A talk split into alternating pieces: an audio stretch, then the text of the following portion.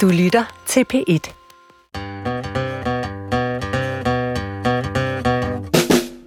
Velkommen til Vildt Naturligt, hvor vi i dag snakker om æderkopper.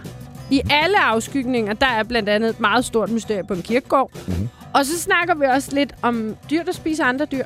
Og misteltingen Ja, må vi ja. ikke glemme. Nej, fordi der er også nogle gange, hvor at, at der lige er nogle rettelser for lytterne. Ja, Og så har har vi selvfølgelig et væld af dejlige biovidigheder fra jer lytter også. også det. Vicky, kommer vi ind på bæver? Ja, Det tror jeg nok, vi gør. det tror jeg nok, vi gør. Dine værter er, Vicky Knudsen. og jeg hedder Johan Olsen. Ole Holm har hørt os erklære, at der ikke findes dumme spørgsmål, så derfor drister han sig til at spørge om noget, han har tænkt på vedrørende genetisk tolerance. Nå, Og det er jo sådan, Vicky, at nogle gange, når man stiller de dumme spørgsmål, så kan det faktisk gå hen og være de allerbedste. Og jeg synes, det her det er et virkelig godt spørgsmål. Han mener at vide, at hvis menneskeheden er udsat for noget sygdomsfremkaldende længe nok, så vil der opstå genetisk tolerance, som gør os immune. Hvis det er rigtigt, skriver han, hvorfor er vi så ikke blevet immune over for de røgpartikler, som kommer af brænderøg? Menneskene har vel altid brændt en masse brænde af, og dermed også indåndet brænderøg fra morgen til aften. Hvorfor er vi ikke blevet immune over for brænderøg? Og er vi sikre på, at brænderøg faktisk er usundt for os? Og det er et mega godt spørgsmål. Man lavede for nogle år siden en stor global undersøgelse af folks øh, af, af lungesygdomme hos mennesker, som var fremkaldt af røgpartikler. Og der var øh, storrygerne faktisk ikke i top. Nå. Det var øh, særligt naturfolk, som laver mad over åben ild hver eneste dag. Så de sidder i, øh, de sidder i de her øh, hytter, typisk med sådan et hul i taget, du ved ikke, og så er der et, øh, et stort bål i midten, Ja. eller, et lille bål. Men så er der hele tiden den der røgpåvirkning, og det bliver de syge af i længden. Ja, okay, så når du siger naturfolk, så er det altså folk, der lever i pagt med naturen, og ikke nogen spejder, der sidder over og laver snobrød over bål. Det er korrekt. Men øh, vi har med, med årene udviklet en ret god tolerance over for det, skal det dog alligevel siges, at, at man, man kan klare temmelig meget. Men det er, en, det er stadigvæk farligt for os. Alle de fenotypiske træk, vi har, de har en genotype, så der er en eller anden årsag til, at vi kan klare dit, eller der, at vi kan løbe virkelig langt, eller hvordan det skal være, at vi ikke har øh, hår på øjenlågene. Men, øh, men man kan ikke sige, at vi er immune. Immun, så taler man om immunsystemet, så det, det tænker jeg ikke, at man vil sige. Men man kan sige, at man er resistent over for det, eller man har opbygget en, en eller anden et, en form for redningsaktion nede i lungerne, der klarer, at vi kommer af med det her på en effektiv måde. Ja, og så er der vel også individuel genetisk forskel, for der er jo nogen, der storryger fra de 10 til de 90, uden nogensinde Så meget som at hoste. dårlige lunger af Ja. det, og så er der andre, der overhovedet Ja. ikke kan tåle det, ikke? Præcis. Ja. Så, det, så der er selvfølgelig store individuelle forskelle. Ja. Men øh, det korte og det lange er, ja, der er nogen tolerance. Du må også sige, at hvor lang tid har vi haft øh, ild? Det er der måske ikke rigtig nogen, som er helt sikre på, men øh, det skal der nok være nogle 100.000 år. Og så begynder evolutionen også at slå ind der. Ja, men det er selvfølgelig rigtigt. Så om 500 år, så kan vi bare alle sammen kampryge og sidde over Ja, ja, åben ild hele tiden. Ja, og ja, ja, ja. Så kan vi tåle det hele. Ja, ja. Jeg har for, går for eksempel at døje med en del bullshit-allergi. Nå ja, Ja, og det er jo også et symptom på netop det samfund, vi lever i. ja. Jeg får det lidt med røvhuller. Nå ja, mm. Løbere, der giver en en albue, fordi de mener, de ejer Ja. hele stien. og ja netop dem har du allergi over for os. Dem, Hvad er symptomerne? Jeg decideret udslet. Altså, hvis det er for voldsomt, det ja. røvhul, Ja. så reagerer min krop simpelthen ved at råbe. Nå, gud, hvad råber den? Jamen, den kan godt finde på at råbe. Ja, for det er jo dig, der ejer hele det her offentlige areal, og kan du have en rigtig god søndag. Det kan den godt finde på at råbe. Nå, for synd. Gud, hvor pinligt. Ja. Så har vi jo faktisk også lyttere, der har øh, sendt en lyd ind. Mm-hmm. Og det, det synes jeg er interessant, Vicky, fordi at nu har du siddet med et smørgrin på og spillet alle mulige freaky lyde af fra hele verden. Ja. Og bedt øh, uskyldige gæster og dine uskyldige medværker om at gætte det, hvilket er umuligt. Mm. Som oftest i hvert fald. I hvert fald Ja. for mig. Øhm, så nu øh, får du øh, kamp til dit hår. Ja. Fordi øhm, Rosa og Jens hørte og optog denne her lyd på Ærø. Mm. Og før vi spiller den, skal de sige, de tror, det er en fugl, men de skriver, at der var også frøer i området ved en campingplads på 100 meter fra havet. Mm-hmm. Vi håber, I kan gøre os klogere, og hvis der er tale om en hidtil ukendt art, så hørte vi den først, understreger Rosa og Jens. Oh, det er det, man altid drømmer om. De har hørt vildt naturligt. De er godt klar over, at der er prestige på spil her. Ja. Ej, men jeg glæder mig til, at jeg endelig må gætte på en lyd. Ja, ja, her kommer den. Ej, det bliver nederen, hvis jeg ikke kan den.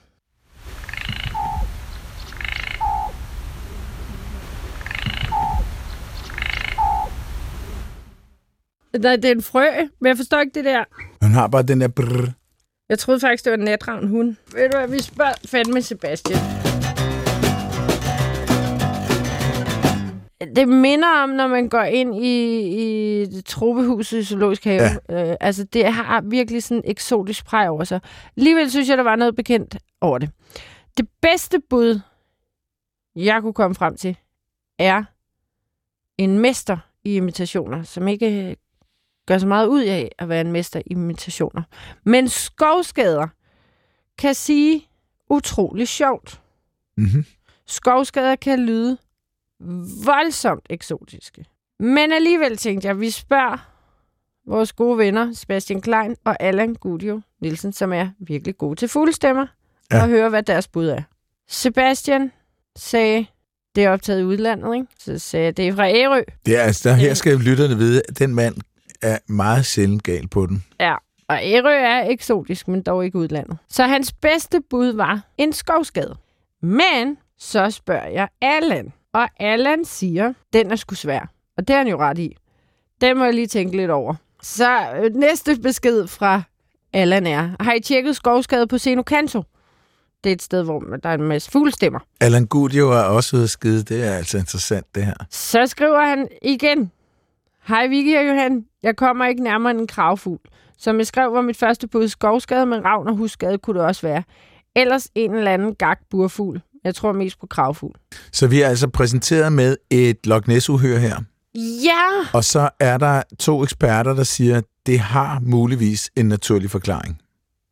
Ja! Eller en ikke mega eksotisk Jeg synes, forklaring. tre eksperter, jeg har faktisk sagt det samme som dem, Johan. Ja, ja, men vi har så henvendt os videre. Ja, ja, bevares, men altså. Men jeg synes, det lyder... Jeg er ikke helt ud af ligningen her. Nej, nej, nej, bestemt ikke. Selvfølgelig.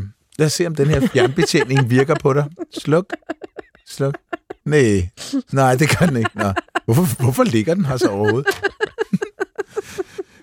Hvis der er nogen, der har et bud, så må de endelig henvende sig. Øh, og til Rosa og Jens, så må vi sige, at vores bedste bud herfra er en... Skovkravskadefugl. Ja.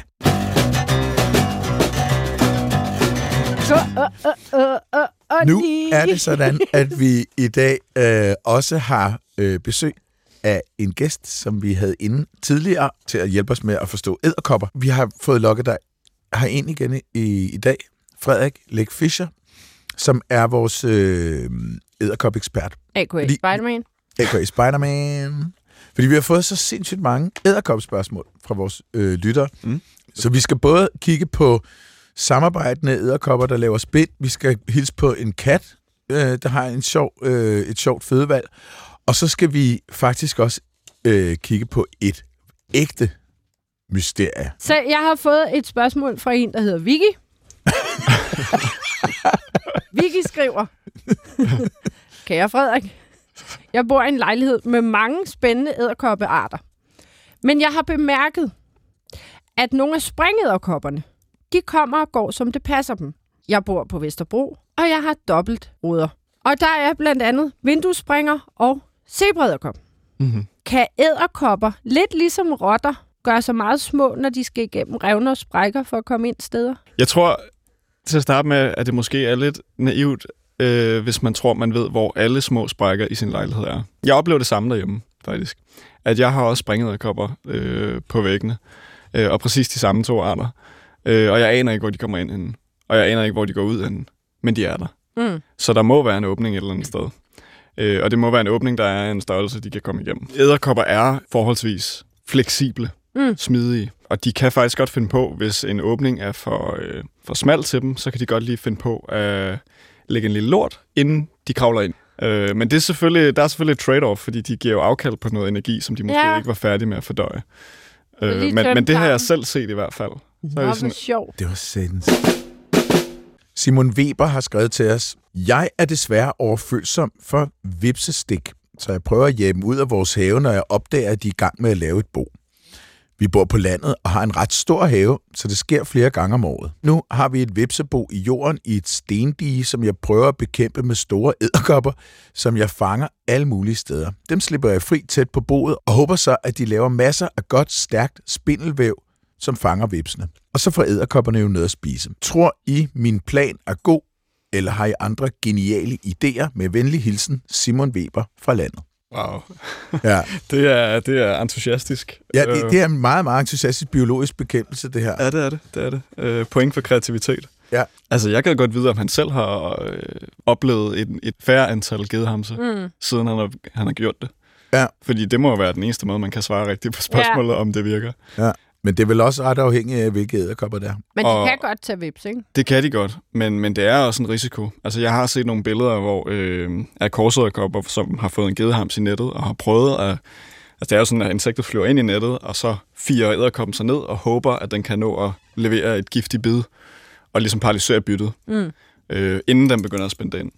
Øh, og jeg har set billeder, hvor øh, gedehamsen så har nået at stikke æderkoppen, faktisk. Wow. Og så sidder de... Og, og, men også hvor æderkoppen har nået at bide øh, gedehamsen, og så sidder de der døde begge. Hvor de er frosset i kampen. Ej. Wow. Ja, det er ret, det er ret cool. Og selv hvis den nåede at stikke æderkoppen uden selv at blive bidt, så kan det være, den stadig bare så vil Ja. ja. af udmattelse i stedet for. Præcis, den kan ikke komme. Men nu vil jeg lige der. spørge, med hensyn til det her spørgsmål, Ja. så er der vel også lige en ting, fordi der er et vipsebo i jorden i et stendige. Kan det være en vips, der ikke stikker? Faktisk. Simon, næste år må du meget gerne tage billeder af de her vipse.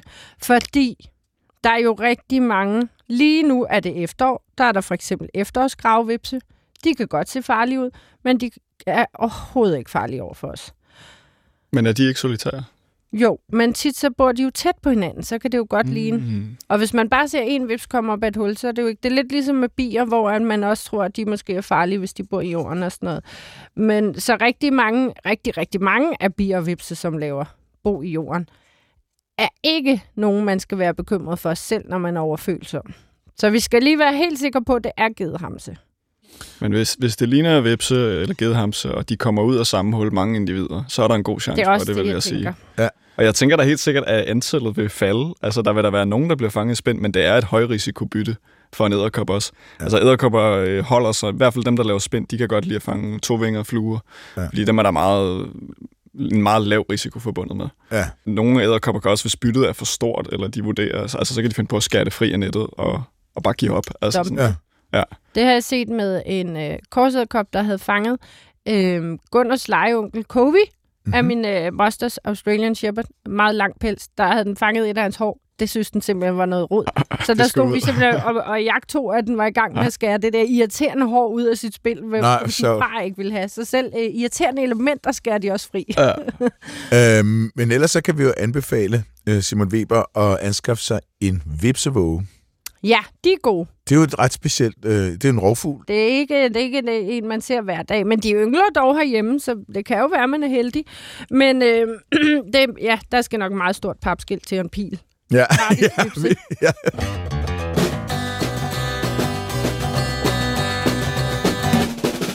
Vi skal videre med æderkopperne. Til det der, der er lidt svært på radio, det med billeder, ikke? Jo. Mm. Fordi der er lyttere, der har sendt billeder ind. Men man kan jo beskrive, hvad det er, Lise Trok Jensen har sendt til os. Mm. Øh, Lise har skrevet, kære venner, I er jo så glade for insekter og andet kryb, så jeg tænkte, fyren her vil være noget for jer. Jeg kan desværre ikke artsbestemme den, men den klarer I sikkert selv. Jeg vil sige, at jeg har et bud, men jeg vil så også sige, at Lise har lavet en klassiker inden for øh, fotografering af smådyr. Øh, hvor at hele baggrunden står knivskarp, og selve dyret er utrolig grynet. Så det, man ser på Lises billede, er jeg vil gætte på måske et havebord, nogle flotte lagte fliser, Mm-hmm. og så ligner der er et skønt bed der i baggrunden. Det kunne Mm. godt være der er noget lavendel. Mm. Og øh, måske nogle små blade. Og så har vi øh, øh, midt i fotoet til at spolere al idyllen en stor sort klat med otte stribede ben. Ja. Og mit bud jo vil jo være en øh, korsæderkop. Mm-hmm. Men Frederik, er det overhovedet en korsæderkop? Det er det. Det er det. Øh, man kan meget svagt i den sorte klat øh, ligesom opfange øh, det karakteristiske hvide kors øh, fortil. Og så kan man se, at den har nogle meget tydelige skuldre, som man kalder Skuldre? det. Fortil på, på bagkroppen. Altså, den har ligesom to hjørner. Den er ikke rund. Nå ja, Øhm, og så har den Ja, de det her... kan lytteren så ikke se. Men den er ikke helt... Nej, den er, Den er ikke helt helt rund. Øhm, og, og det er meget karakteristisk for korsæderkoppen i forhold til nogle af de andre store julespænder, vi har. At den har de her to skuldre foran. Øh, og så har den de her stribede ben, som også er stribede på en måde, som man ser det hos korsæderkoppen. Se, der var det godt, Johan, vi havde eksperten inden, for vi kunne Ja. ja. gætte på korset og kop, bare fordi det er den mest almindelige julespinder, der sidder ude foran Ja. ja. ens havebord. Ikke? Og Lise, det er altså ingen skam over det billede der. Jeg, øh, Nej, den kunne bestemmes. Den kunne bestemmes, og du er bestemt ikke alene om de her øh, Fokusproblemer. fokusproblemer. Det er også lidt sjovere med en udfordring. Ja, præcis. Til gengæld så er der nogle billeder af en æderkop, som jeg i hvert fald aldrig nogensinde har set før. Og den står skarp. Helt orange. Meget svagt stribet, også orange ben. Øh, ikke særlig mange markeringer på bagkroppen. Øh, og så er der tre billeder i forskellige settings. Øh, den kravler på noget træ, og så sidder den på en plante og stiger direkte ud på os. Og der må lige være ros til fotografen for at have Ja. fanget den i forskellige vinkler. Det er kan nogle rigtig, rigtig flotte billeder, ja. Ja. Hvad gætter I på der? Okay, jeg gætter på øhm, kvadratet kop. Jeg har det ligesom Uffe Nielsen og Eva Iversen, der har sendt det hen. Jeg har aldrig set noget lignende. Jeg, har, jeg tror ikke, jeg har set sådan en i hele mit liv. Men øh, så vil jeg råde til at gå ud i haven. Det er så lidt sent nu, men i hvert fald sen august og kigge, fordi det er en korsæderkop i sin, Ej, i sin det? orange variant. Nej. Øh, og den er faktisk ikke så ualmindelig. Øh, men man skal selvfølgelig kigge efter den. Men den har måske lidt de skuldre, du lige nævnte før. Hvorfor ser den sådan ud? Hvorfor er den orange? Er det, er det en variant? Det er nemlig en Den kommer variant. aldrig til at se mørk ud. Det kan de faktisk godt. Altså korsæderkopper kan faktisk øh, langsomt skifte farve alt efter baggrunden. Øh, så de er, er mere kamufleret i forhold til... Det var. Men man skal bemærke, at den sidder på et rødt foderbræt. Ja. Det kan være, at den har fundet sit rette element. Men øh, der er ikke noget kors. Hvis man kigger på det sidste billede, så kan man måske svagt ane, at der er nogle markeringer. Ja. Jeg vil godt give dig ret i, at det ikke er et kors. Det burde det have været. ja. Men jeg bliver lige nødt til hurtigt at spørge, øh, Frederik, her til de første to billeder fra Lise, Uffe og Eva. Mm-hmm. De skriver begge to, hvad er det mund for en fyr? Mm-hmm. Mm. Der skal jeg lige høre, er vi ude fyre her? Det er en dame. En gravid dame. Jeg synes også, den øverste ser stor ud. Det er også en dame. Det er også en dame. Det kan jeg se på grund af bagkroppens størrelse, som er Okay. fyldt med æg. Okay. Øh, hvor hanner og æderkopper, de generelt har en meget mindre bagkrop, smallere bagkrop, og det er fordi, de skal være mobile. De skal bare ud og jage damer. Så skal vi videre til næste spørgsmål. Ja. Det er fra Inger Fris Lindbo. Kære I to, jeg vil med jeres program og lære i en sen alder, 88 år, en kolossal masse. Jeg er bange for æderkopper og var også bange for mærkværdige skabninger i naturen, som jeg i de unge år levede med, helst uden, i Mellemøsten og i troberne. Gid, jeg havde kendt jer før de 10-11 år udenlands. Men Vicky og Frederik, objektivt set, så var hendes frygt i troberne vel, øhm, altså velbegrundet. Også når det gælder æderkopper, eller hvad? Ja, til, til en vis grad. Altså, øh, igen, æderkopper er virkelig sky væsener, øh, Ja. som ikke bider, medmindre man kommer til at klemme dem. Det kan man komme til ved et uheld. Ja. Og der er helt klart nogle arter i trupperne, man mindre vil blive bidt af, Mm. End herhjemme. Mm. Det er virkelig få arter, som er øh, dødeligt giftige. Altså, vi har, jeg mener, vi er oppe på 50.000 beskrevne æderkopperarter i verden, og jeg mener kun, at det er omkring otte arter, man virkelig vurderer som en seriøs risiko. Hold da Okay, op. det er meget lidt. Det er meget lidt. Okay, det troede jeg faktisk alligevel var højere. Altså selv sådan noget som den sorte enke, som virkelig omtales som, åh, den er dødelig giftig og sådan noget. Den er, det er meget sjældent, at det er med dødelig udgang. Altså, Mm. den er stærkt ubehagelig at blive bidt af. Helt Ja. ja. sikkert. Du bliver indlagt, og feber, og, Ja. og stor øh, hævelse og sådan noget. Men, men altså, dødelig giftig, der, skal vi vir- der er virkelig langt imellem de æderkopper der. Gud, hvor vildt. Frederik, hvad er den farligste æderkop i verden? Det er Sydney Funnel Web Spider. Okay. S- lever den ind i Sydney? Ja, og den lever nærmest ikke andre steder. Den er faktisk kritisk troet på grund af byudviklingen dernede. Nå. Øh, men det er dens naturlige udbredelsesområde, og det er en, øh, en mygalomorf, altså den er i familie med fugleæderkopperne. Så det er en af de der lidt store, Mm-hmm. kompakte æderkopper med store øh, hugtænder, der hugger nedad. Øh, og så lever den i sådan nogle huller i, i jorden, sådan trapdoors, øh, hvor den har sådan en lille låg, en dør. Mhm. Øh, og ved et, et tilfælde, den her æderkops gift, jeg mener det er omkring 1000 forskellige molekyler, der er i giften. Mhm. Og et af de molekyler reagerer mennesker helt ekstremt på. Okay. Nå. Og det, det er simpelthen et tilfælde, fordi der har ingen interesse i at jage mennesker. Der har ikke været mennesker i Australien øh, naturligt, eller i hvert fald ikke, hvis man går tilbage mere end 50.000 år. Nej, nej, de spiser vel heller ikke mennesker. Nej, det gør de ikke, nej. Øh, så øh, Nej, hvor sjovt. Der er bare et eller andet toksin i den skift, som Det bare er bare ikke non-compatible med os. Okay, nå.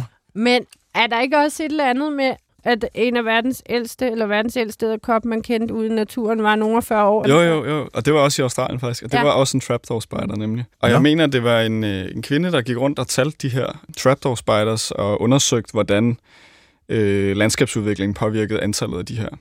Øh, og der var selvfølgelig mange, der røg i løbet af de år der, men der var en, der blev ved med at være der.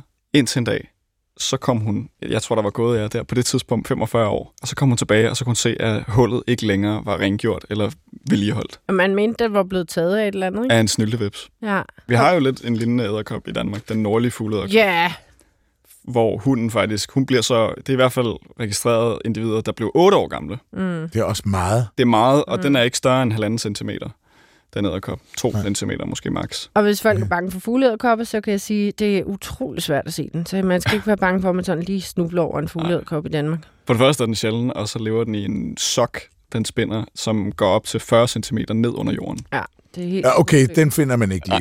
Det Nej. gør man ikke. Nej. Har du Det- set dem? Jeg har set dem. Ja. Mm. Jeg fik et tip om, hvor de var henne. Okay. Fedt. Ej, jeg vil gerne lige sige tak til Inger. Det synes jeg lige, vi skal gøre. Ja. Tak til Tak Inger til for øh, de søde ord, og fordi du følger med, Inger. Ja. Og vi ville også ønske, vi havde lært dig at kende, før du rejste udenlands. Og dejligt, at hun ikke er lige så bange for smådyr længere. Præcis. Nu skal det altså handle om en 3 meter lang tråd, Frederik. Ja. Charlotte Holgersen har tidligere arbejdet som poder i parken på Østerbro, og hun fortæller, at der var opstillet skillevæg med cirka 3 meters afstand. Her opdagede hendes podermarker og hende, at der var en æderkoppespindstråd spundet ud på toppen af vores to skillevægge, altså en cirka 3 meter lang en. Hun har indsendt fotos, hvor man kan se mesteren sidde på den modsatte skillevæg og grine smørret. Hvordan kan det lade sig gøre øh, at lave dette, spørger Charlotte. Som I kan fornemme, er der mange meter op til taget, så er den hoppet, eller har den trukket en tråd hele vejen ned ad en skillevæg, gået tre meter hen over gulvet, for så at kravle to meter op ad den modsatte skillevæg, for så at stramme tråden og fastgøre den på den øverste kant. Og hvad havde den tænkt sig? At bygge en mega herskabsspind, eller... Jeg kan godt Men lide, det er et super fedt spørgsmål, fordi... spørgsmålet. Ja, men det er da virkelig godt. Herskabsspind. Ja, Herskabsspind. Det er sådan en ting, man undrer sig over. Ja. Hvad er pointen med det der? Kan du forklare det, Frederik? Hvad tænker I selv? Jeg tænker måske, den skulle og flyve. Jeg tror, det har været en sikringstråd. Det er sådan, at når, når sådan en julespiller her skal lave sådan et spænd der, så øh, sætter den sig et sted højt op. Og lidt ligesom vi øh, tidligere snakkede om, at små æderkopper, de kan flyve, så bliver den bare siddende og skyder den der spændtråd ud.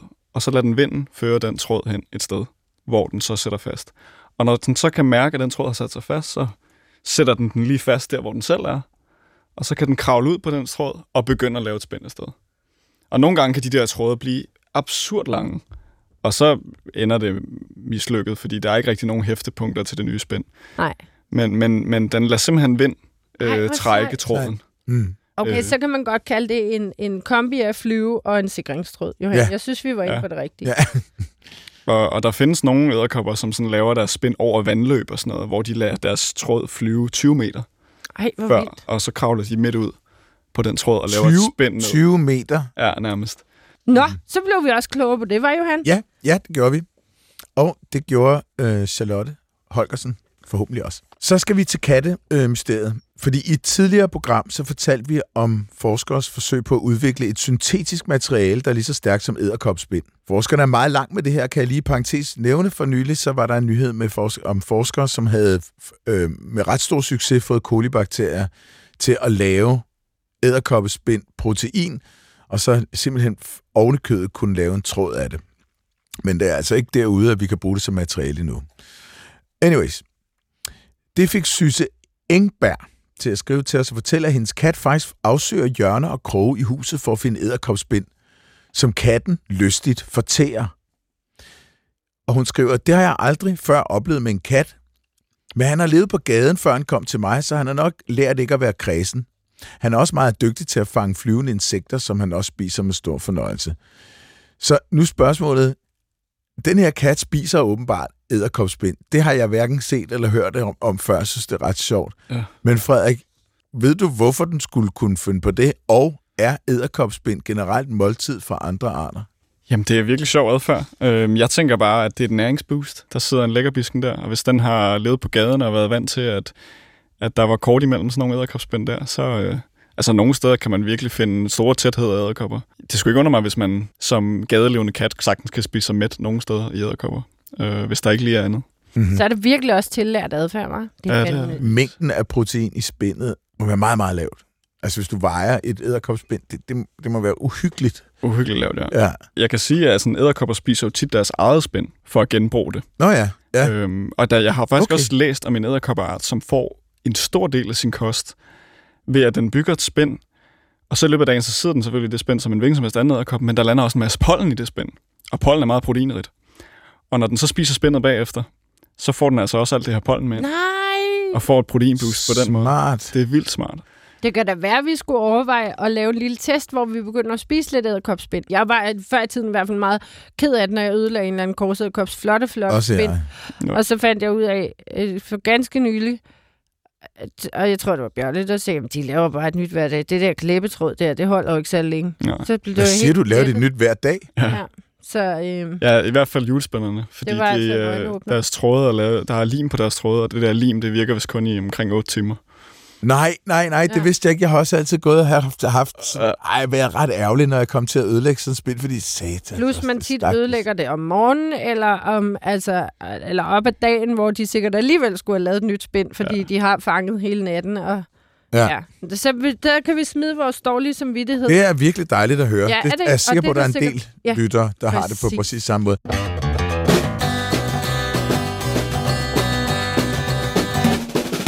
Er I klar til en lille gættelyd? Yes. Den kommer her.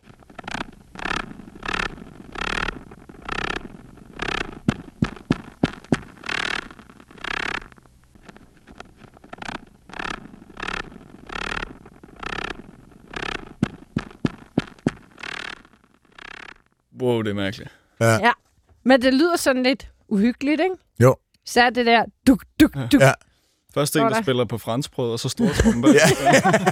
Jeg, Okay, synes, vi- jeg synes, Frederik han skal læse det næste spørgsmål. ja, det kunne være Fordi godt. det er simpelthen det mest mystiske. Det er et kirkemysterie af det helt store. Altså, jeg har aldrig set noget lignende. Nej, det har jeg heller ikke. Charlotte Kongsbak skriver, Jeg arbejder i Øster Hassing Kirke. For tredje år i træk fandt jeg ved samme tid i juni disse æderkopper i kirken. De har været inden for en radius på cirka 2 meter. De er kun støv, og der er ingen spor hen til dem. Kan I forklare, hvordan de er opstået? Glæder mig vildt meget til at høre fra jer. Og så har vi fået tre billeder af nogle æderkopper. Det er silhuetter af æderkopper i noget hvidt støv. Det ligner nærmest æderkopper, der er tegnet med flormelis på tre forskellige typer gulv. Altså, det kan godt være, at jeg ved noget om æderkopper, men jeg har ikke set det fænomen før. Og jeg har prøvet at tænke lidt over det, men jeg synes godt nok, det er svært at komme frem til en forklaring. Men jeg forestiller mig, at æderkopperne har været henne. Man har jo kridttavler i kirker, hvor man lige skriver dagens salmer op. Og de kridt ligger sikkert et sted. Og så er der kommet en, en husæderkop. Bum, badum, badum, lige gående igennem kridtet. Og så har den tænkt, hov for den, der nu er helt fyldt med kridt. Det er der også noget rod. Og så har den lige øh, stillet sig, og så lige øh, rystet alt stødet af sig. Og så er den gået videre. Så har jeg forklaret det. Det vilde ved de der billeder der, det er, og det er grunden til, at man kan sige, det er ikke derfor. Altså de her sådan ligesom spor af æderkopper, der er benene fuldstændig strakt ud, Mm. og man kan se, at den har, den har ligget helt ned til gulvet med buen også. Den har jo lavet en maveklasker for Den har lavet en der maveklasker. Det ser virkelig underligt. Det er altså et spøgelse, virkelig sådan... Det ligner virkelig Ja, et spøgelse. det er spøgelse, æderkopspøgelser. Ej, den i midten kunne godt ligne almindelig støv. Da jeg kiggede på den, der tænkte jeg også, at det var sådan noget, at det er en æderkop, der har renset sig, eller sådan noget lige der. Men det er bare, silhuetten er så perfekt. Det er altså, virkelig, især den til højre. ja, Men ved I hvad, det kan også være, at det bare er æderkopper, der er skvattet ned et sted fra, hvor der har været meget støvet op på loftet, skvattet ned, røget ned på gulvet, klask, og så alt støvet røget af, og så har de ligget. men, det, men så bevæger de sig derfra, og så er det sjovt, at de ikke sådan tværer alt det støv ud. Det kunne jo være menneskeskabt. Der er en konfirmand, der har kædet sig her, ikke? Kunne man sidde og lave det her? Kan du artsbestemme de her æderkopper? Jeg tror, det er lille husæderkop, Okay. baseret på proportionerne alene. Uh-huh. Det er nok en æderkop, man vil finde ofte i kirker. Det er sådan en virkelig mørkeelskende gamle bygninger under brædder, øh, op under taget. Den er meget øh, brun, grå, pjusket. Okay, Øh. for det, det her, det er jo kridhvidt. Det er kridhvidt, ja. Altså, så, så hvis det nu var, at, den er, at der er nogen, der har trådt på den, Så vil der være rester. Så vil det være rester af æderkoppen? Ja, det vil der. Ej, det har jeg ikke fået sådan et flot aftryk af. Nej, det, det vil man vel ikke? Det kan være, at jeg skal prøve at tage spørgsmålet videre til, til nogle af aroknologerne i udlandet. Ja, det kunne være sjovt. Der er nogle forumer forskellige steder. Det kan være, de har Det kunne i hvert fald være sjovt at få svar på øh, Charlottes virkelig gode spørgsmål. Dagens mysterie. Crazy. Ja, det er virkelig et mysterie. Fedt, det er en kirke, og de har de der sådan lidt, det er sådan nogle spøgelsesagtige, spøgelsesæderkopper der, der bare er frosset på gulvet. Nå, Nej. men apropos ting, der hjemsøger vil I lige høre øh, lyden igen? Ja, Så afslører vi den Kom med. faktisk lidt hurtigt i dag.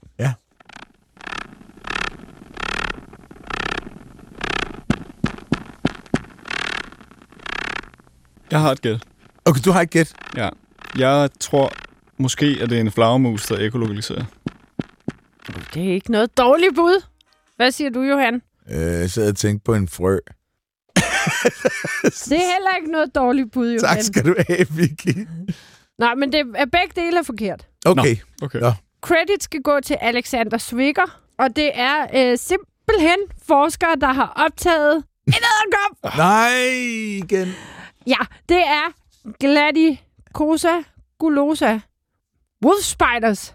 Nå. Ja, det er simpelthen øh, handernes de vibrationer, de udsender for at kommunikere. Så der er manipuleret med lyden for, at vi mennesker skal kunne høre det, eller? Ja, og der står, at de resonerer på et tørt blad. Så det kan være, at de prøver at lokke damer til at sige, prøv lige at høre, hvordan jeg spiller på trommer.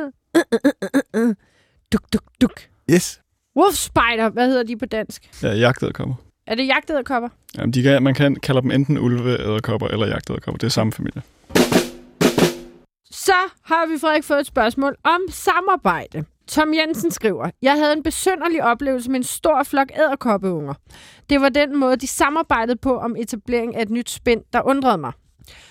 Forestil dig en vestvendt terrasse tæt på Storebælt, et havebord og en stol, skriver Tom.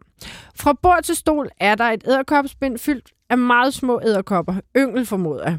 Bitte små, med en lille gul plet på bagkroppen.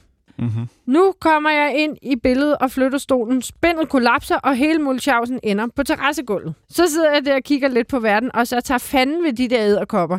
I tæt samarbejde begynder de at etablere et nyt spind. Hvordan de bærer sig ad med at starte fra bordkanten ned til gulvet og igen til stolen, ved jeg ikke. I løbet af cirka 20 minutter har de 300-400 små æderkopper lavet et nyt spind, som de så sidder i, præcis som før jeg lavede ulykker for dem. Næste dag var de væk. Jeg kender ikke specielt meget til æderkopper, og anede ikke, at de på den måde kunne samarbejde, skriver Tom Jensen. Så spørgsmålet er, er det æderkoppeunger, der samarbejder? Nej, det vil jeg ikke kalde det. Øh, jeg tror, at Tom her har fundet en klynge øh, unge korsæderkopper. De Øh, er gule med sort blæ, ikke? jo, det kunne meget vel lyde som korsæderkoppeunger, nemlig. Måden, han beskriver det på. Og det er sådan, at når æderkoppeunger, øh, de ligger jo ligesom inde i den her ægsæk, så klækker de fra deres æg, og så ligger de faktisk stadig og er fuldstændig immobile. De, de klækker faktisk før de er færdigudviklet. Øh, og så ligger de der med helt sammenkrøllet ben, og så øh, før eller siden, så folder benene sig ud, og de er klar til at bevæge sig ud. Og så er de lige æderkopper, baby æderkopper sammen i et stykke tid, og så laver de et, hudskifte. Første hudskift. Og først når de har lavet første hudskift, så spreder de sig. Det er der, de får alle deres sansorganer, alle deres hår på benene. Indtil at de gennemgår det her øh, første hudskift, der bliver de sammen. Der er der en fordel i at sidde sammen, så er der mindre chance for, at man som individ bliver taget af et rovdyr eventuelt. Så jeg tror ikke, at det som sådan er samarbejde. Øh, de søger bare hinandens tryghed, fordi det er også sådan, hvis æderkoppeunger bliver sammen for længe, så begynder de at spise hinanden. Åh oh, ja. Der findes sociale æderkopper. De Men- Men... findes bare ikke i Danmark. Sociale æderkopper, som, som bygger spind sammen. Som har sådan noget EU, EU-socialitet. Altså lidt, lidt eller det, man ser hos myrer, men ikke helt. Altså hvor de har et fælles spind, og der er også nogen, der laver fælles yngelpleje. Øhm, og det er faktisk lidt sjovt. En af de meget øhm, berømte øh, slægter, der gør det, jeg tror, den hedder Stegodysphus. Øh, den er i familie hvor- med vores mariehønederkop, som lever på en helt anden måde i Danmark. Men der er nogle, der er nogle af de her arter her, som, som laver fælles spind simpelthen. Nå. Det forskes, forskes der rigtig meget i. Øh, også hvordan ved at lave det her fællesspænd, så kan de nedlægge meget større bytte, så overrumpler de simpelthen bare de her store insekter, der Wow. Nå. ja, sådan en ren øh, horrorfilm Ja. med tusind æderkopper, der sværmer der på en gang. Ej. Ja. Ej. Men du siger, at de her, det han har set, Tom Jensen, at han har fået den opfattelse, at der er en masse æderkopper, der har bygget på samme spind.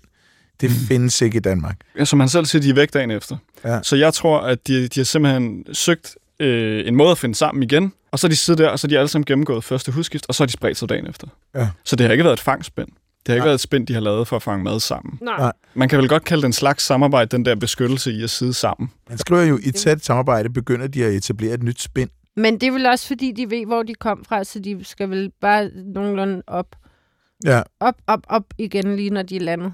Jeg tror, jeg tror meget nemt, at det kan ligne, at de samarbejder, men i virkeligheden så søger de bare hinandens tryghed. okay. Ja. Jeg har i hvert fald, altså jeg har selv øh, klækket en del ægsæk derhjemme og sådan noget, hvor jeg har observeret de her unge her, og de er virkelig glade for at sidde tæt sammen. Okay. Altså, Ja. ja. Og hvis der er en, der bevæger sig lidt for langt væk, altså, hvor man kan tænke, okay, nu, nu kommer den ikke tilbage, så den finder vej tilbage igen. Ja. Så på en eller anden måde ved de, hvor hinanden er. Jeg kunne godt tænke mig det sidste, øh, et sidste æderkopspørgsmål. Ja, Og jeg det synes, det er et virkelig godt æderkopspørgsmål, for jeg har nemlig også hørt det, som Andreas han skriver om her. Han skriver nemlig, jeg har for længe siden hørt, at mejeræderkoppen er det mest giftige dyr, man kan finde vildt i Danmark. Det vil sige, at giften skulle være den mest potente, men mængden er ikke stor nok til at være farlig for mennesker. Dog ser jeg gang på gang mejeræderkoppe lamme larme tæve de større jagtæderkopper, som våger sig ind i huset. Har det med giften må noget på sig, eller er de bare svære at få ramt på med deres små kroppe og lange, tynde ben, spørger Andreas. Det er virkelig en sjov myte, den her, og jeg aner ikke, hvor den kommer fra. Nej, men alle har hørt det jo. Ja. Men det er ikke rigtigt. Det er ikke rigtigt. Nej. Det er langt fra rigtigt. Det er Altså- ligesom, at knupsvanen brækker arme. Det er lidt det samme med giftige meget æderkop. Men Har du Maja-æderkopper... ikke- Du har også hørt det, ikke, Johan? Jo, jo, Jeg jo, også bestemt. hørt Jeg har for hørt det som-. Jeg har også hørt Jeg har hørt det fremlagt Altså, som før et... du blev æderkop, ikke? Ja, ja, og jeg troede blind på det. Ja, Ja. det gør det også. Hvad er sandheden så? Jamen, sandheden er, at øh, majeræderkopper er giftige, som de fleste æderkopper er. Øh, og den har for små tænder til at bide mennesker. Øh, og dens gift er måske ret potent for æderkopper, Mm-hmm. men altså ikke for, for mennesker, eller sådan, altså alt er relativt, ikke? I Mhm. forhold til, hvilke dyr det ligesom er, er designet til at skulle slå ihjel hurtigt. Ja. Fordi de, de spiser primært andre æderkopper. Okay. Så dem, han ser, at de nedlægger, det er de store husæderkopper. Og der er det både giften, men også de lange ben, som gør, at de er så overlegne. Fordi de kan øh, kravle ind over den store æderkop, og så bide ned i nakken på den. Okay. Øh, og tit så foregår det jo på, lod, på en lodret væg, hvor den samtidig slynger en masse spind ud over den her, Mm. for at immobilisere den. Oh. Øh, og det ser voldsomt ud, hvis man har set en majeræderkop nedlægge nogle af de store æderkopper der. Det er, det er elegant arbejde. Wow, det må se meget vildt ud. ja, Så den skift er potent, for, det, for æderkopper. det er æderkopper, det går ud over. formentlig, ja. Det er en æderkoppegift. Tror du, Frederik, at øhm, æderkopper kan overleve en bilvask? Altså, hvor henne i selve vaskeprocessen? Hvis de sidder, hvis de sidder inde bag sidespejlene? Hvis de har fundet, hvis de har fundet en rille, hvor de ikke bliver slidt på sådan rent mekanisk, de der kæmpe børster der, Hvad hvis de får sæbe og vand på sig? Er ikke noget problem. Det tror jeg ikke. Ej, det er jeg glad for at høre, fordi jeg har fundet ud af, at min bil... Øh, den første dyr, den tiltræk, var jo en lille humlebil. Det var det første, der sad på den. Og nu har jeg fundet ud af, at min bil er hvid. Mm-hmm. Den trænger rigtig meget til at blive vasket efterhånden. Mm. Men jeg har ikke vil vaske den, fordi jeg har både fundet øh, øh, grå sektoræderkop på og øh, flad julespinder. Nej, det er en sød tanke. Og, øh, og da jeg var på Bornholm sidste gang, så skulle jeg meget tidligere afsted om morgenen, og så, så tog jeg faktisk den grå sektor, den var ved at reparere sit spind. Så tog jeg den faktisk ud af spændet og satte den fri hos min mor, fordi jeg ved, der er grå komme i forvejen. Jeg tænkte, du, og det tror jeg altså stadig på, du finder mere mad her på grunden end i mit sidespejl. Så jeg fik sat den fri, så nu, men jeg mangler stadig de to andre æderkopper, jeg har set en bagpå Oh. et andet spejl. Så jeg ville bare lige være sikker på, om de, når de, for de kravler jo ind bag spejlet, der er jo altid sådan et hul rundt om spejlet. Mm. Så vil jeg bare lige være sikker på, om de overhovedet kunne tåle en bilvask. For Gurli trænger rigtig meget til en bilvask. Det tror jeg godt, de kan. Og de er ret gode til hurtigt at smutte væk, hvis de fornemmer, at der, der skal til at ske et eller andet. Ja. Ja. ja, men jeg får også bare så dårlig samvittighed for hver morgen, især altså i efterårsperioden, hvor der er meget øh, morgenduk. Så øh, skal man jo tage sidespejlene af, øh, hvilket er rigtig stor fordel, så man ikke kører bilister og fodgængere ned og sådan noget, man Jo. ikke kan se komme bagfra. Og så har de jo lavet et nyt spind hver gang, og så skal jeg stå der og ødelægge spindet hver gang for at tørre spejlene af. Ikke? Oh, Det, det, det kan være, at vi skal lave en naturfredning på din bil. Ja. Den, øh, skal Det kan være, at vi skal lave et projekt, der hedder Ja. Gurlis æderkopper. Ud af, hvor meget liv der egentlig er. Nå, det var æderkoppe runden. Jeg synes, vi fik nogle virkelig gode svar, og jeg er sindssygt nysgerrig efter, hvad det der kirkeaftryk, hvad det er for noget. Ja, den må, jeg Så, er altså så hvis du kan sende, slynge den ud. Jeg vil prøve. Tusind tak til Frederik Læk Fischer, a.k.a. Spider-Man, Så for tak. hjælp med øh, øh, lytterspørgsmål. Always. Og Frederik, den her Facebook-side, jeg, øh, jeg nævnte, at du er virkelig god til at formidle derinde. Der skal jeg lige opfordre alle, også dig, Johan, der ikke har en Facebook-side, men så må du oprette en, bare for at følge med i Frederiks fortællinger, som netop hedder Frederik hvad? Fortællinger fra felten. Så man skal bare søge på fortællinger fra felten. Okay, Så kommer Frederik op. Men, og det er ikke kun æderkopper. fortællinger fra felten. Ej, Frederik, vil du ikke også nå at høre en joke? Meget gerne. Okay, den første joke er fra Morten Andersen, der skriver, hvad sagde den ene tørfisk til den anden? Øh. Long time no see. Oh god. Oh god. Det er selvfølgelig sige med A, ikke? Jo, jo, jo.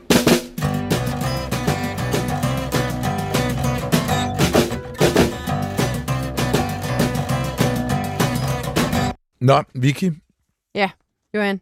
nu har vi jo i det her program øh, talt øh, en del om, øh, hvilke dyr, der spiser hvilke andre dyr. Præcis. Også det der med, at øh, vi mennesker jo er omnivore og spiser lidt af hvert. Ja. Man kunne tænke, det var et, et, et, et, et program om kost og ernæring. Ja. Eller et madlavningsprogram. Ja. Men Men det er det ikke. det er jo helt vildt naturligt, at øh, arter spiser hinanden. Ja. Men det er fordi, Johan, før har vi jo haft nogle beretninger Ja. fra folk, der har spist bæverkød. Ja. Og der er det simpelthen, at Ole Madsen har skrevet til os. Og jeg har faktisk holdt et foredrag, hvor at der også var en, der sagde til mig, jeg tror, der er sket en lille forveksling imellem genever der. Og Ole er inde på det samme. Han skriver, min familie havde sumpbæver lige efter 2. verdenskrig. Familie og venner spiste kød fra disse dyr med velbehag. Skinnet faldt drastisk i pris, derfor ophørte familien med at opdrætte sumpbæver sidst i 1947. Jeg tror, man mener sumpbæver, når man taler om at have spist bæver, siger Ole Madsen. Og det er ikke kun Ole, der skriver om det her, fordi vi har også hørt fra Manfred Federav, fra Odense. Jeg er ret sikker på, at det ikke har været bæver, jeres lyttere har spist. Da jeg var barn i 40'erne, boede der på vores vej i Åben Rå en mand, der avlede ikke bæver, men sumpbæver, også kaldet bæverrotter. Han havde dem i et skur, og de havde adgang til mølleåen i hans baghave. Han havde dem for skindets skyld. Pelse af dem blev kaldt nutria, fordi bæverrotter ikke lød særlig godt. De var ret store dyr, så vidt jeg husker, omkring en halv meter lange i kroppen og med en lang skældet hale. Man sagde, de kunne spises, men så vidt jeg husker, blev vores nabos dyr kasseret efter pelsning. Endvidere findes der bisomrotter, som er mindre end sumpbæver. Så vidt jeg er orienteret, bliver den også brugt både til pelsværk og konsum. Om den har været avlet som sumpbæveren, er jeg ikke klar over. Begge arter lever vildt i Danmark og betragtes som invasive arter, skriver Manfred Fedterav. Palle Jensen har skrevet en, øh, en mail til os også øh, i, i, i samme tråd her. Han supplerer ved at oplyse, at det vil kræve nogle kraftige dask med kødhammeren og få halen fra en sumpbæver til at ligne en europæisk bævershale. men, men, skriver han, da halen jo ikke spises, er det uvedkommende for retten. Han er også inde på, at sumpbæveren findes i stort tal i Tyskland, hvor man gerne vil have arten begrænset samt at enkelte eksemplarer jævnligt ses her i landet, selv om den er på invasivlisten. Jeg har selv som zoologisk konservator mødt dem med en vægt på op til cirka 9 kilo, så Hold spis... Ja, det er ret vildt. Så spis dem endelig væk. Måske var det noget med en veltilberedt prøvesmagning i studiet, foreslår Palle Jensen. Okay, det er jo virkelig sjovt. 9 kilo sumpbæver, det er også en ordentlig fætter. Men jeg kunne altså stadigvæk, må jeg sige, godt tænke mig at smage dem. Ja, men ja, ja, det kunne jeg da Trods, også. trods Men min altså, vegetariske livsstil, så, så vil, jeg, vil jeg altså sige ja tak Så til, vil du en, gerne til, den. til en bæver, eller en sumpbæver. Med både sumpbæver og bisomrotte, så er øh, pointen jo også, at det er dyr, vi netop har holdt i fangenskab i Europa.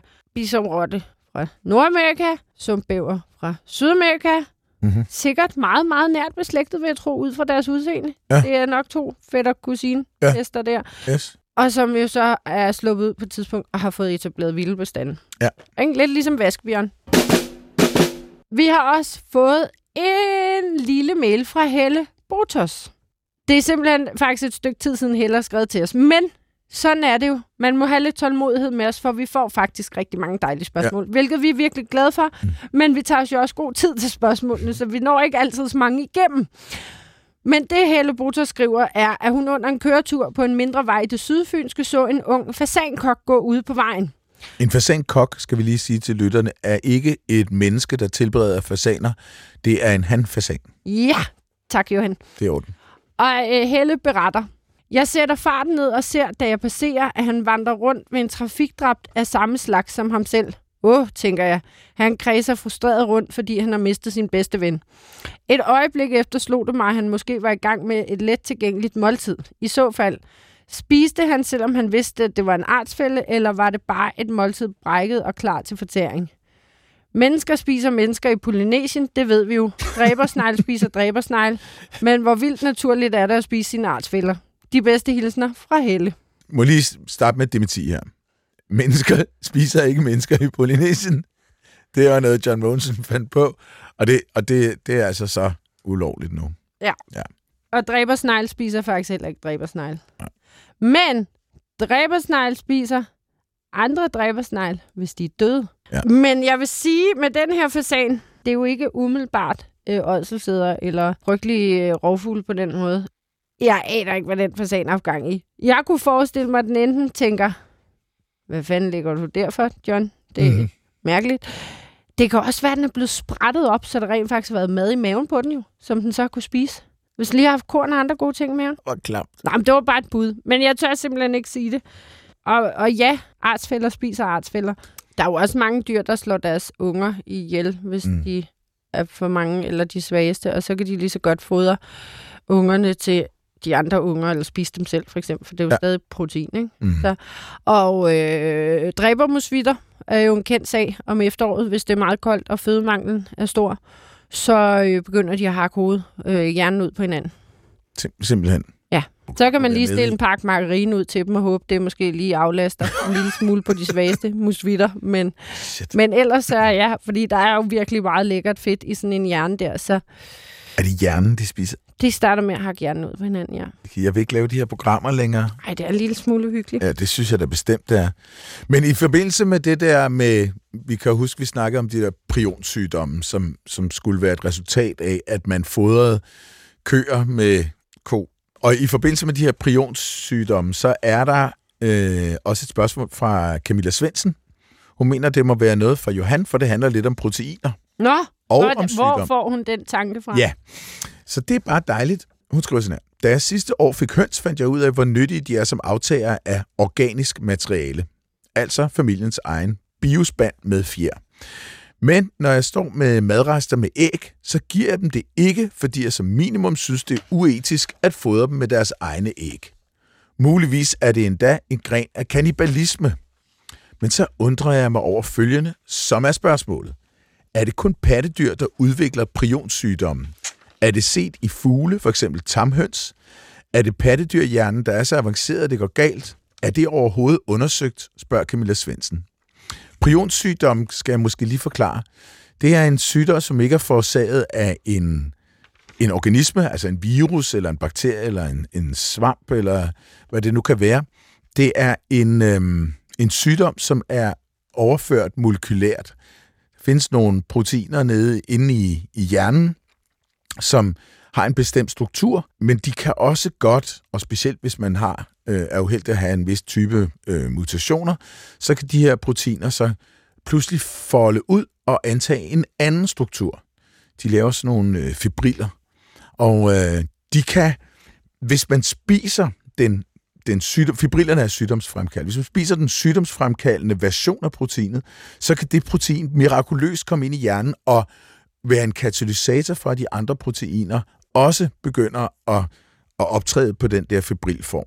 Så det, det, er, så det er sådan en mere sådan en, skal vi sige, fysisk-kemisk overført sygdom, end det er en, en, øh, en biologisk, altså er det en, end er det mikrober. Okay. Ja, det er ret sindssygt. Ja. Der bliver forsket sindssygt meget i det, fordi at øh, vi har en, en lang række neurodegenerative sygdomme, som for eksempel Alzheimer og sådan andre, som, som øh, rammer rigtig, rigtig mange mennesker. Og jo ældre vi bliver, jo større er sandsynligheden for de her sygdomme. Og, og der er, kommer sådan nogle fibriller. De opstår typisk i hjernen, og gamle mennesker, som lider svært af nogle af de her sygdomme, de, de kan simpelthen have hele områder af hjernen, der er ødelagt. Og der er også lidt høn Og ikke diskussion her, fordi de der fibriller der, er de et resultat af noget andet, eller er det dem, der får sygdom? Så der, der er en del forskning i det. Man prøver også at finde på forskellige former for drugs, der kan, der kan fjerne de her fibriller, eller gøre sådan, man ikke øh, opbygger dem. Mm. Men de er meget udbredt i naturen. Prioner hedder de.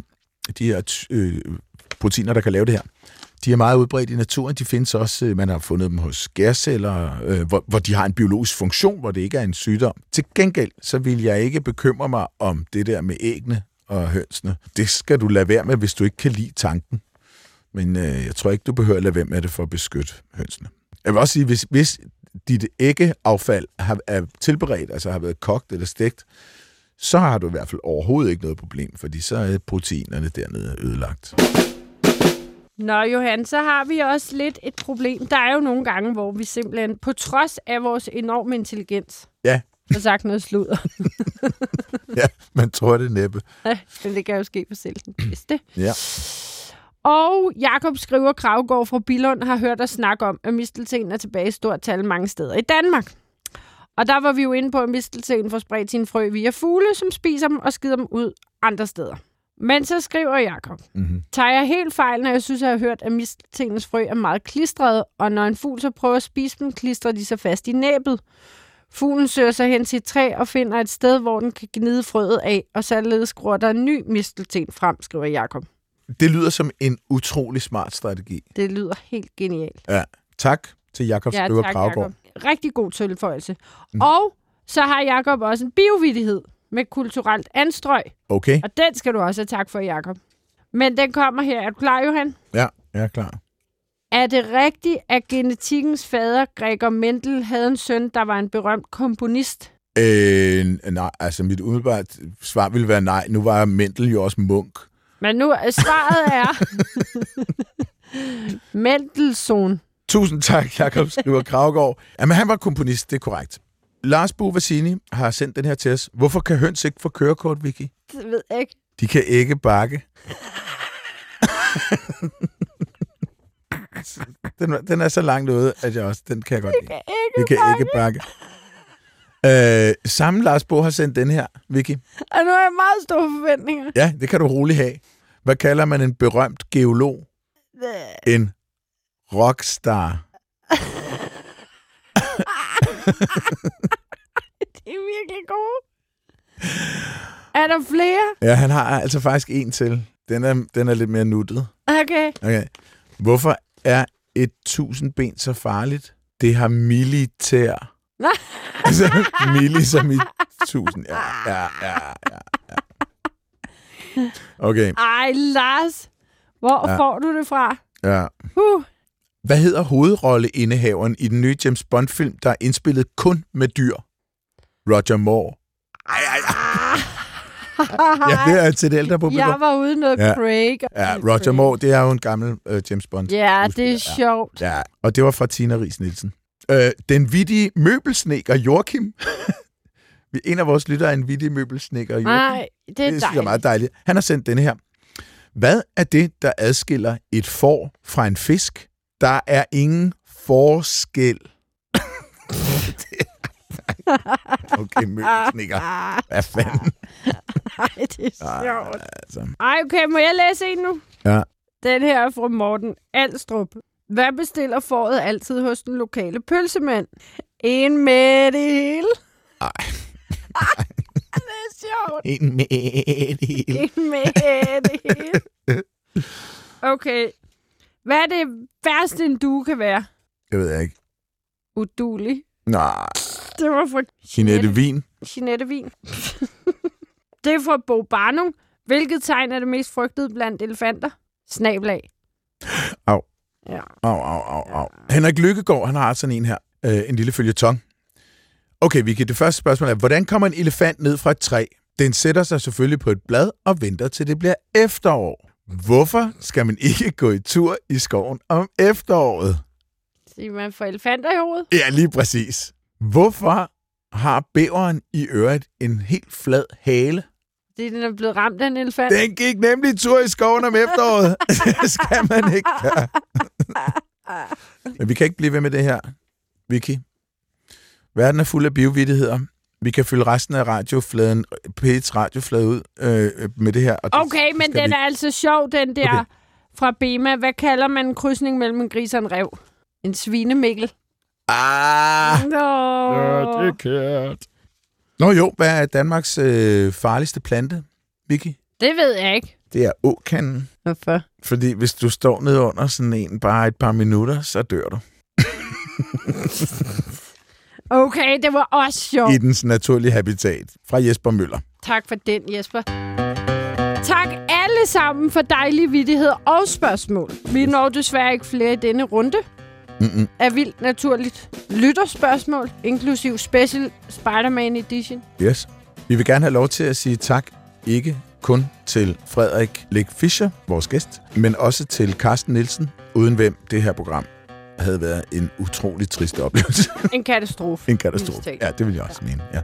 Og så vil vi sige øh, til lytterne, at vi er så glade for de spørgsmål, og vi er glade for biovidighederne, og øh, også for forslag til programmer. Det kan man skrive til os på mailadressen, som står her.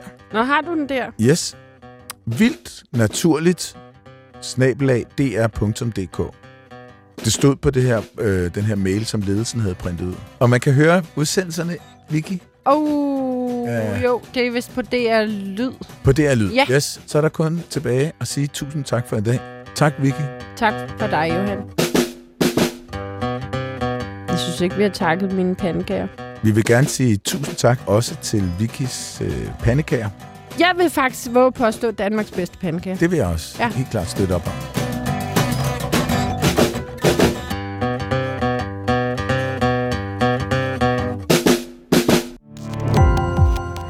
Gå på opdagelse i alle DR's podcast og radioprogrammer. I appen DR Lyd.